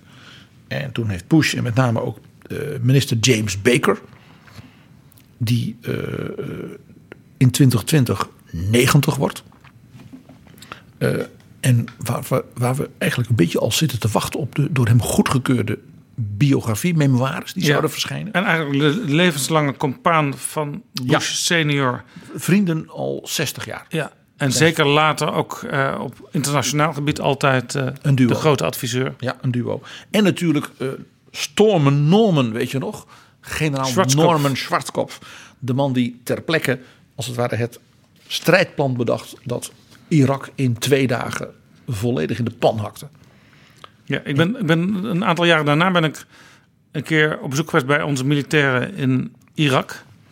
Niet alleen een visum moest er geregeld worden dat ik Irak in en uit kon, maar ook dat ik Kuwait in en uit zou kunnen. Terwijl dat niet op het programma stond, maar dat was om, mocht er iets plotseling aan de hand zijn in Irak, dan moesten we natuurlijk naar het belendende land eh, kunnen vluchten, tussen aanhalingstekens. Dus was het wel handig om alvast een visum voor Kuwait ook in het paspoort te hebben. Ja, precies. Nou, en dit was natuurlijk 30 jaar geleden eigenlijk het begin van wat toen later natuurlijk toch de bijna, bijna dramatische verbinding was tussen Irak en de familie Bush. Saddam Hussein heeft natuurlijk geprobeerd toen vader Bush geen president meer was, maar een soort staatsbezoek bracht aan Kuwait, waarin hij werd bedankt ja, door de bevolking en Ja. natuurlijk de sheiks voor zijn rol die, om ze te redden. Had dus Saddam Hussein bedacht eh, dat hij een moordcommando aan het werk kon zetten. En dat is toen op het laatste moment voorkomen. En ja, de zoon van Bush senior, Bush junior, is natuurlijk de man van de inval in Irak om het regime van Saddam Hussein te verjagen. Uit vrees voor dat hij met Bin Laden zou samenwerken, dan wel kernwapens zou hebben. Ja, En, dat, is iets waar tot de dag van vandaag natuurlijk blijft een raadselachtige diepe zaak, discussie eh, over want gevoerd wordt. Die gifwapens, eh, daar, daar ging het om. Ja. Ja, die, dat, dat bewijs is eigenlijk nooit gevonden. Nee. Terwijl het wel zo gedaan werd in de vergadering van de Verenigde Naties. Ja. Met foto's en alles, En Saddam Hussein er ook zelf belang bij had om voortdurend de indruk te wekken dat hij dat had. uiteraard. Ja, Dan ben je sterk. ja dan ben je een kerel. Als tiran. Zo zie je maar. Het is natuurlijk ook 30 jaar de wiedervereniging. Ja, maar daar hoeven we het nu niet over te hebben. hè, Want daar hebben we het eigenlijk al seriematig over. Dat gaat. Daar hebben we al een, een, een drietal grote verhalen aan gewijd. Vier zelfs. En daar gaan we nog wel even mee door de komende maanden. Want die geschiedenis eh, wordt alleen maar spannender eh, in de loop van dit jaar. Maar nog iets. Tien jaar geleden. De dreiging van de implosie na- hè, in het kader van de kredietcrisis van 2008, 2009 van de hele eurozone. Ja, het begon wereldwijd met een, eigenlijk vanuit Amerika met een financiële crisis. Maar al gauw werd het ook een, een eurocrisis. Ja, want eh, de, de landen in Europa hadden eh, financiële grote klappen gekregen. Die banken ja, stonden hier en daar op eh, instorten. Dat betekende dus een enorme dreun voor de economie. Dus de werkloosheid schoot omhoog. Economische groei stortte in. Dus de regeringen moesten enorm veel schulden maken. En toen bleek dat ja, die staatsschulden in de hele delen van Europa een bedreiging waren. En de beeldvorming die wij natuurlijk nu achteraf hebben, is Griekenland. Dat was het probleem. Ja, als je nou kijkt naar de geschiedenis van dat jaar 2010, dan ga je een aantal opmerkelijke nuanceringen zien. Ik doe het even heel kort, ja. in de loop van de maanden. In januari, inderdaad, de koers van de staatsleningen van Griekenland stortte in. Dus de Grieken moesten ineens veel meer rente betalen op hun staatsleningen dan andere Europese landen. En dat bedreigt natuurlijk de positie van dat land. En dat kon dan natuurlijk eventueel ook de andere landen bedreigen. Hierbij speelde het naar buiten kwam dat de Grieken eh, ja, hun cijfers zeg maar, niet op orde hadden over hun financiën. En dat bijvoorbeeld de Olympische Spelen in Athene van 2008 voor tientallen miljarden buiten de begroting om met leningen waren gefinancierd. Ja, en je moet altijd erbij denken, Hellas, Griekenland is maar 10 miljoen inwoners groot. Maar economie is vooral ook altijd psychologie. En gaat het in zo'n relatief klein deel mis, maar toch een land belangrijk land, historisch gezien zeker. Ja, dan kan het heel snel overslaan naar andere landen. Ja, economisch stelt het niets voor. Is het voor de eurozone? eh, En als jij Niks. geïnvesteerd hebt in zo'n land als Griekenland en het gaat mis, dan is dat natuurlijk toch een tegenslag. En dan kun je denken van misschien gaat het met de rest van de economie ook wel niet zo goed. Precies. Dus de, die, staatsleningen die dus volkomen uit het lood waren, die waren natuurlijk wel ooit door iemand gekocht. Door banken en financiële instituties. Daar zat met name natuurlijk het probleem. De maand erop, februari, bleek dat Spanje en Portugal in vergelijkbare situatie waren. Al hadden die dan gelukkig niet van die Olympiades ge- gefinancierd. Maar daar speelden bijvoorbeeld de hypotheken een grote rol. Met name in Spanje. eh, allemaal eh, zeg maar, eh, vakantiedorpen die waren gebouwd voor toeristen. met speculatiegeld. En ja, die kwamen nu niet. Nee, en ik heb nog heel lang de hijskranen werkloos zien staan daar aan de kust van de Middellandse Zee. Portugal, daar speelden eigenlijk zoals in Griekenland alle problemen tegelijk. Ja, toen werd het natuurlijk wel, jongen, jongen, jongen, Griekenland, Portugal. Maar Spanje is natuurlijk een grote en belangrijke economie. Eh, om je een idee te geven, de Spaanse economie is zo groot als die van de Benelux. En is dus zo groot als die van heel Rusland. Rusland, ja. In mei waren er spoedvergaderingen geweest, hè? maart, april. En toen deed de EU iets briljants. Wat we vooral nu zien, iets briljants. Het zei, we gaan niet allemaal losse ingrepen doen. Weet je wel, een noodprogrammaatje hier, een dingetje daar. Dat is men later overigens wel gaan doen. Maar men begon met een structuur. Eh, ik zou bijna zeggen, de geest van Jacques Delors was nog vaardig over de EU op dat moment. We moeten een structurele ingreep doen. Dus de EU heeft toen opgericht, met een ongelooflijk saaie naam, de European Financial Stability Facility. De IFSF. Die afkorting die hoor je eigenlijk nooit meer. Want die is opgegaan in het Europees Stabiliteitsmechanisme. Het zogenaamde dat hoor je wel. ESM, juist. En Maar ze hadden dus last van visie. Absoluut. En dat was dus een faciliteit, dus een voorziening, waar dus de Europese centrale banken en regeringen als het ware voor 500 miljard aan garantstelling gaven. Dus ze zeiden dat mechanisme, dat mag landen helpen met het saneren en als het ware redden van bijvoorbeeld banken, financiële instituties, pensioenen en dergelijke. Ja, je hebt dus een- in feite een bedrag waarover je kan beschikken in geval van nood, zonder dat je dan eh, met de pet rond hoeft te gaan. En dat je als iets heel erg misgaat, gewoon de tijd niet meer hebt voordat de zaak instort. Die 500 miljard was dus gegarandeerd door de Nederlandse bank en wat dan niet. Dus de rating agencies internationaal, die zeiden het IFSF AAA. Ja, dus de hoogste kwalificatie die je kunt hebben. Dat betekent dus dat je dus voor hele lage rentes, met grote zeg maar, stabiliteit, hè, dat woord zat er niet voor niks in, die reddingsacties kon ondersteunen.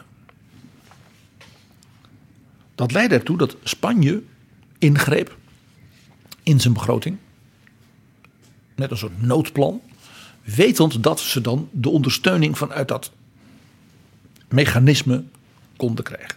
En ook Frankrijk deed iets heel bijzonders, wilde een signaal geven dat Frankrijk echt ging hervormen. De pensioenleeftijd in Frankrijk werd verhoogd naar 60 jaar. Wij lachen er nu om, want wij vinden dat nog steeds een heel, heel, heel, heel jonge leeftijd om met pensioen te gaan. Maar voor Frankrijk was het revolutionair. Zeker voor ambtenaren, militairen en spoorwegpersoneel. En wie was de, de minister die last had van deze, van deze visionaire ingeving? Christine Lagarde. Die nu sinds kort president is van de Europese Centrale Bank. Tien jaar later. Zij heeft toen in een gezamenlijk optreden met Angela Merkel, iets waarvan jij zegt dat hebben we ook vaker gezien, toen gezegd dat iedereen moest begrijpen: het gaat hier niet om de euro, het gaat hier om Europa. Als wij dit niet in de greep krijgen. Wij moeten nu de euro redden, want we moeten Europa redden. En vandaar dus dat Financial Stability Facility als gedurfde eh, structurele ingreep. Ja, en vandaar ook dat ehm, populisten die niks met Europa hebben, eh, ook heel vaak de euro als zwakke stee aanwijzen. En eigenlijk het liefste hebben dat de boel ineens stort, want dan stort ook Europa in. in dat opzicht eh, is dat een analyse die zou kunnen kloppen. Wat je daarmee de gewone man, zijn spaarcentjes, zijn huis, zijn pensioenen aandoet, is natuurlijk niet te beschrijven. Nee. Maar dat kan hen blijkbaar niks schelen. Nou, je denkt, hiermee is de zaak helder. Men heeft het in de greep. Ja. Hè? Het, stabiliteitsmechanisme was er. Ja, en krachtige da daden En zelfs dus- Frankrijk Ja. eh, stelt daden. En Spanje greep in en de Grieken beloofden dat ze van alles gingen doen. En toen gebeurde er iets waarvan ik de indruk heb dat bijna iedereen dat vergeten is. In de zomer ging het helemaal mis. In Ierland. Ierland. In Ierland stortte de bankensector in. Mede door besmetting van de Britse banken, die natuurlijk niet in de eurozone zaten. Dus Engeland deed zijn eigen bankenreddingsmechanisme buiten de eurozone om. Alleen dat raakte de Ieren. En in Ierland speelde ook een enorme huizenbubbel. Met particuliere schulden en hypotheekschulden. Dat is interessant, want Ierland is inmiddels alweer vele jaren een zeer welvarend land binnen de Europese Unie.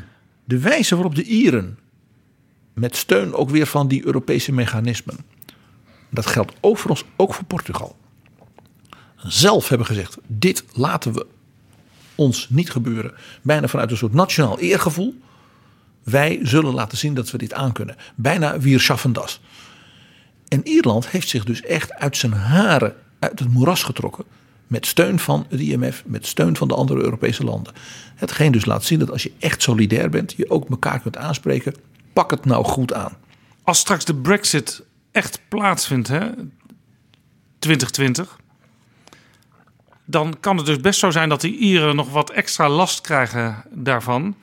Het is ook niet voor niks dat binnen de Europese besluitvorming in de onderhandelingen met de Britten over de Brexit, maar straks ook over nieuwe verdragen, eh, eigenlijk altijd de visie van de Ieren de doorslag geeft. De Ieren zijn eigenlijk de eerste naar wie elk land kijkt. We zijn ongeveer dit van plan. Dit zou misschien een goede lijn zijn. En Vinden zijn- jullie dat ook, Ieren? En ze zijn de laatste naam. Als het allemaal rond is, dan wordt aan Leo Varadkar, de premier van Ierland, gevraagd: Is this doable? Ja. En hij reist dus ook veel rond in Europa.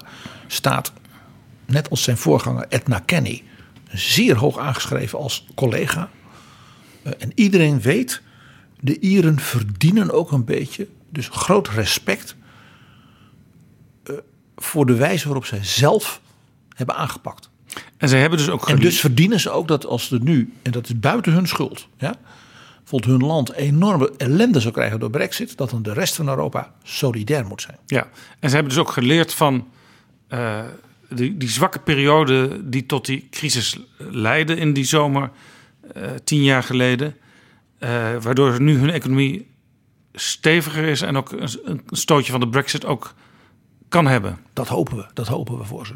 Nou, in dat jaar 2010, dat is dus, wat ik zei, dat is bijna iedereen vergeten, was er dus in november een spoedtop, daar is die weer zou je bijna zeggen, van de EU met alle leiders. Want toen ging het zo mis met Ierland, dat er zoals dat heet besmetting dreigde van dus weer de bankensystemen in andere landen. Zodat dan de pogingen van die systemen, ja, bijvoorbeeld Portugal of Griekenland nog een overeind te houden, als het ware ondermijnd werd, doordat dan men bijvoorbeeld op een ander dossier, namelijk bij de Ierse leningen, men bijvoorbeeld weer enorm meer extra problemen had. Toen werd er dus gezegd, moet nou zo'n land als Ierland niet gewoon maar even uit de euro gezet worden? Zo ver ging het toen. Ja, zei men, dat zou kunnen. De Ieren wilden dat natuurlijk niet. Nee, alsjeblieft niet. Ja, maar zoals het moet. En toen zei men, ja, maar als Ierland eruit gaat, daarmee red je op zichzelf natuurlijk dat bankenprobleem niet. Nee. Dan betekent dat als het dan dus moeilijker wordt, zo niet onmogelijk om de Portugese en de Griekse economie te redden, dat dan ook de Portugese en de Griekse economie en banken uit En voor je het weet wordt die puzzel van de euro, eh, daar, daar verdwijnen allerlei stukjes uit. met landen als Ierland, Portugal, gold ook voor de Grieken die zeiden: alsjeblieft niet. We zijn bereid alles te doen. Dat bleek bij de Grieken daarna wat minder, maar de Ieren en de Portugezen hebben dus echt gezegd: we zijn bereid alles te doen. Help ons, laten we het samen proberen. En het interessante is dus bijna iedereen is vergeten dat dus dat, die crisis, dus niet zozeer Griekenland was. Maar dat we laten elkaar niet los en we zullen ons best doen. Maar we doen het wel samen. Dat dat dus met name ook te danken is aan de Ieren en de Portugezen. Waarvan iedereen zei, die menen dat echt. En daar kun je ook op rekenen. Het jaar daarop, pas 2011, 2012, bleek dat de Grieken in dat opzicht ietsje minder berekenbaar waren. Ja, en de, de Spanjaarden die waren misschien wat trager, maar die hebben het uiteindelijk ook goed gedaan. Omdat die al heel vroeg dus zijn begonnen met ingrepen. En die zijn bereid gebleken, net als dus de Portugezen hun buren, zeer diep in te grijpen. 2020. We, ja, het is een meraboir wat je kunt noemen. Zal ik nog een mooi, positief, opbeurend iets voor heel Europa. Iets opbeurends. Dat is altijd fijn, ook op de drempel van het nieuwe jaar. Het is in 2020, 35 jaar geleden, dat Jacques Delors, dus in 1985, de chef werd van de Europese Commissie. Met heel veel invloed. Hij heeft heel veel dingen bedacht waar we nu nog steeds voordeel van hebben. Zoals mevrouw Thatcher onsterfelijk zei: A very talented man, the cleverest in Europe. en dat zei ze niet zo gauw over een French socialist. Ik ben altijd weer blij als ik jou Thatcher hoor nadoen. En er is nog iets. In de maand juli van 2020 wordt hij 95. En als ik je nou vertel dat hij vrij recent nog een interview gaf over hoe volgens hem Jean-Claude Juncker toch nog wat krachtiger moest optreden. Want hij vindt altijd dat zijn opvolgers natuurlijk nog best krachtiger zouden kunnen. En dat hij ook vlogs had. Daar is hij geloof ik een jaar of twee mee gestopt. Maar dan zat hij voor zijn boekenkast thuis. En dan in een vurig betoog van een minuut of zes zette hij even uiteen hoe Europese leiders zeg maar, de zaak moesten aanpakken. Hij, was, hij had nog niets van zijn energie, zijn vuur en ook zijn brie verloren. Ja, maar hij is dus wel aan het retireren inmiddels. Hij, is vijf, hij wordt 95. Laten we niet vergeten wat hij allemaal gedaan heeft. Hij, hij, waar hij het meest trots op is, dat hij de vader van het Erasmus-programma is. Hij heeft het bedacht en doorgevoerd meteen in zijn eerste periode. Hij trad aan in 85 en in 87 heeft hij dat doorgevoerd. Daar had hij de hulp bij van een ambtenaar die ik nu even wil noemen, Domenico Lennarduzzi. Die is onlangs overleden. Was mijn chef in de tijd dat ik in Brussel werkte. En die heeft dus grote verdiensten als de man die dit ambtelijk gewoon in anderhalf jaar voor elkaar En interessant, Charles Michel, de nieuwe voorzitter van de, de toppen van de Europese Raad, Europese regeringsleiders, die heeft ook op een Erasmusbeurs gestudeerd een tijdje in Amsterdam aan de Universiteit van Amsterdam. Zo is dat. Zo komen ook de dingen weer bijeen. Een heleboel jongere Europese leiders van vandaag zijn allemaal kinderen van het Erasmus-programma. Of zoals Delors, hij bleef natuurlijk toch een Fransman. Later ooit zei, het mooie van het Erasmus-programma, en daar heb ik persoonlijk dus mijn best voor gedaan, dat zoveel jonge mensen elkaar dus leerden kennen bij die uitwisselingen, dat er in Europa tenminste 1 miljoen meer baby's is geboren dan oorspronkelijk gepland. Alleen een Fransman kan dit op zijn conduite staat zo formuleren. Oké, boomer. Ja. Hij is natuurlijk ook de maker van het hele concept van de interne markt. Ja. Dus Europa als één groot economisch Ja, geheel. daar was Thatcher ook zo positief over. Zeker. Gepland voor 1992. Dus dat zou zijn in zijn tweede periode. Wat hij natuurlijk toen niet kon weten, maar wat natuurlijk een geschenk is geweest van de wereldgeschiedenis aan ons Europeanen, is dat toen de muur viel in 89, 90, Delors in feite een compleet raamwerk klaar had staan voor wat er toen met Europa moest gebeuren. Namelijk het bij elkaar brengen. Die Duitse wiedervereniging in een Europees politiek en economisch kader. Europese monetaire unie, Europese politieke unie. eh, de act uniek, zoals hij dat noemde, eh, als ware vernieuwen naar die interne markt. Zodat die nieuwe landen er ook stap voor stap bij konden gaan. Het raamwerk waardoor Europa, als het ware, die enorme omwenteling kon opvangen, was dus al klaar dankzij het werk van Jacques Delors. Ja, Europa 92, dat werd allemaal in Maastricht op de top beklonken. Dat was het moment dat dus die, dat concept van hem plus die, dat nieuwe Europa bij elkaar kwam. En ik werkte toen voor het weekblad Elsevier en wij hadden toen op de cover staan de Europese vlag uiteraard, maar ook de woorden Good Morning Maastricht. Met andere woorden, een nieuwe, eh, nieuwe, nieuw tijdperk begint voor Europa. Dat was het Elsevier van toen dat wat positiever vaak over Europa schreef dan tegenwoordig. Ja, toen werkten er ook nog verstandige mensen als jij. Delors heeft in zijn toespraak, waarin hij dit concept schetste, vrij snel dus na de val van de muur, waarin hij zei van dit is de lange termijn richting waar we op gaan, dan heeft hij de schitterende woorden gesproken. Het staat nu klaar. We kunnen dit. Maar dan moet je ook durven. En toen heeft hij gezegd: in de politiek en het voeren van beleid helpt het gelukje soms. De moed altijd. La chance parfois, le courage toujours. Prachtig. Ik sprak hem in 2010, dat is dus straks tien jaar geleden, was hij 85, in een groot interview. En toen ging het over hoe hij keek naar het Europa van toen. En toen zei hij: Onthoud één ding, mon ami. L'union fait la force. Eendracht maakt macht. Ja. Dat is overigens ook de leus die volgens mij in het eh, Belgisch parlement hangt. Het is het motto van de Belgische staat. Voor hem was dat een land hè, met zoveel verdeeldheid, zoveel verschillende culturen. Maar hij zei dat motto, l'union fait la force. Ja, hij vindt dus waarschijnlijk ook, want er is later ook wel eens gedacht, was dat woord Europese gemeenschap eigenlijk als het woord gemeenschap eigenlijk niet mooier, maar hij, Delors, had waarschijnlijk dan geantwoord nee, unie is ook een heel goed woord, want l'union fait la force.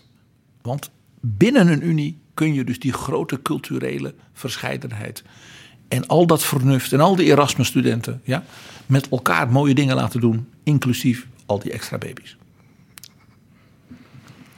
Tot slot, Jaap. Er is natuurlijk in 2020, als het gaat om de muziek, meer dan alleen maar Beethoven. We vieren in 2020 de première van maar liefst twee van Richard Wagner's meest geliefde opera's. Het is 170 jaar geleden, dat is niet zo'n heel bijzonder getal, dat zijn schitterende, een romantische oper Lohengrin in première ging op de verjaardag van Goethe in Weimar 1850. Maar nog bijzonderder, misschien was zijn meest geliefde stuk, Die Walküre. Dat ging precies 150 jaar geleden op 26 juni 1870 in première in München.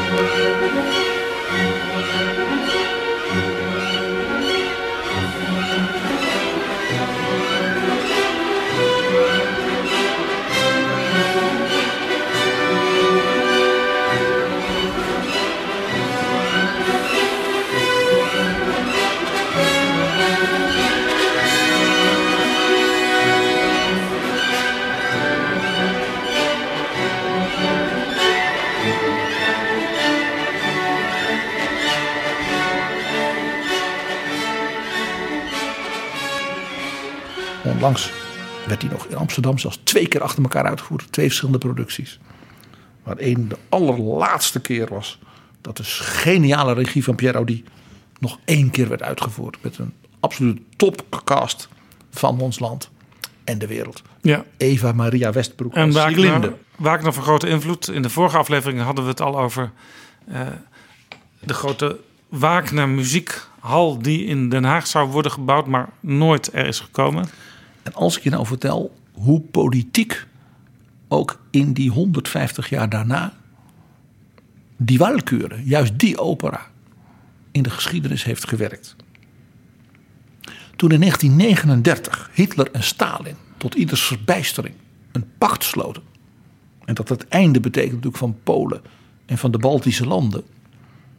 Toen wou Stalin laten blijken aan de wereld dat dat pact met Hitler serieus was. En wat deed Stalin?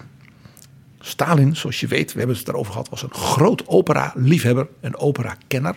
En had een prachtige zangstem. En Ja, was dat, dat komt ook in toneelstukken over Stalin terug. Dat er componisten bij hem ja, op, op, op eh, ja, hoe noem je dat? op, op audiëntie. audiëntie kwamen. Ja. Ja, en hij, hij, hij protegeerde ook jonge muzici, zangers, componisten die hij bewonderde.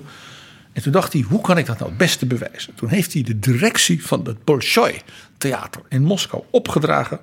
Een nieuwe productie met allemaal Russische zangers van het allerhoogste niveau. Van Wagner's Die Walküre.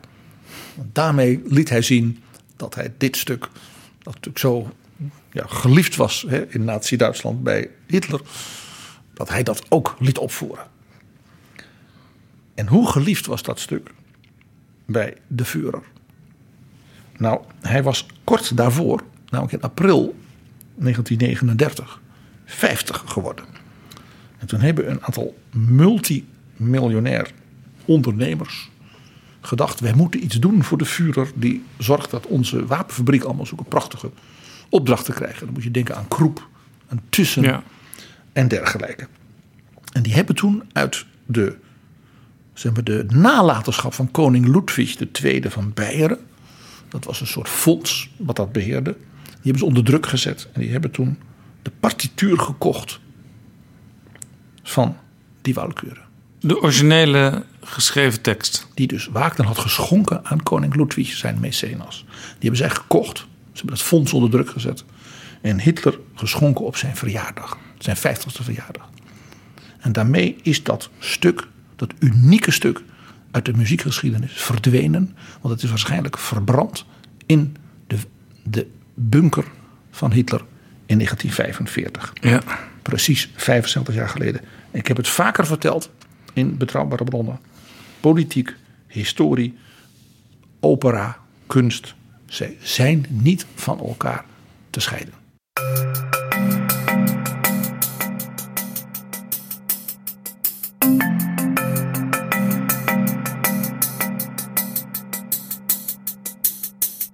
En met deze terugblik, maar ook vooruitblik, sluiten wij het jaar 2019 af. En wij gaan moedig voorwaarts naar 2020 PG. En kan de luisteraars al beloven, we gaan even twee weken ertussen uit. Maar dat we daarna zo'n 80 nieuwe afleveringen gaan maken van Betrouwbare Bronnen. En ik kijk daar persoonlijk al enorm naar uit om dat te doen. Om ook met jou weer de fantasie en de ideeën en in Nederland en in Europa en hè, zelfs wereldwijd weer naar voren te brengen. En ik wil persoonlijk even onze luisteraars. En dat zijn er ongelooflijk veel. Ik had het er niet van kunnen dromen, Jaap. Ik heb het jou al vaak gezegd, dat dat zou kunnen. Met name ook zo ongelooflijk veel jonge mensen. Ik wil ze heel erg bedanken voor de feedback, het enthousiasme, de aanmoedigingen, de tips, de vragen. De, van hoe, is er nog een ander boek hierover dat ik moet lezen? Het, er gaat geen dag voorbij.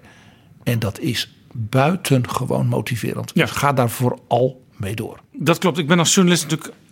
word ik altijd wel aangesproken op dingen die ik journalistiek doe.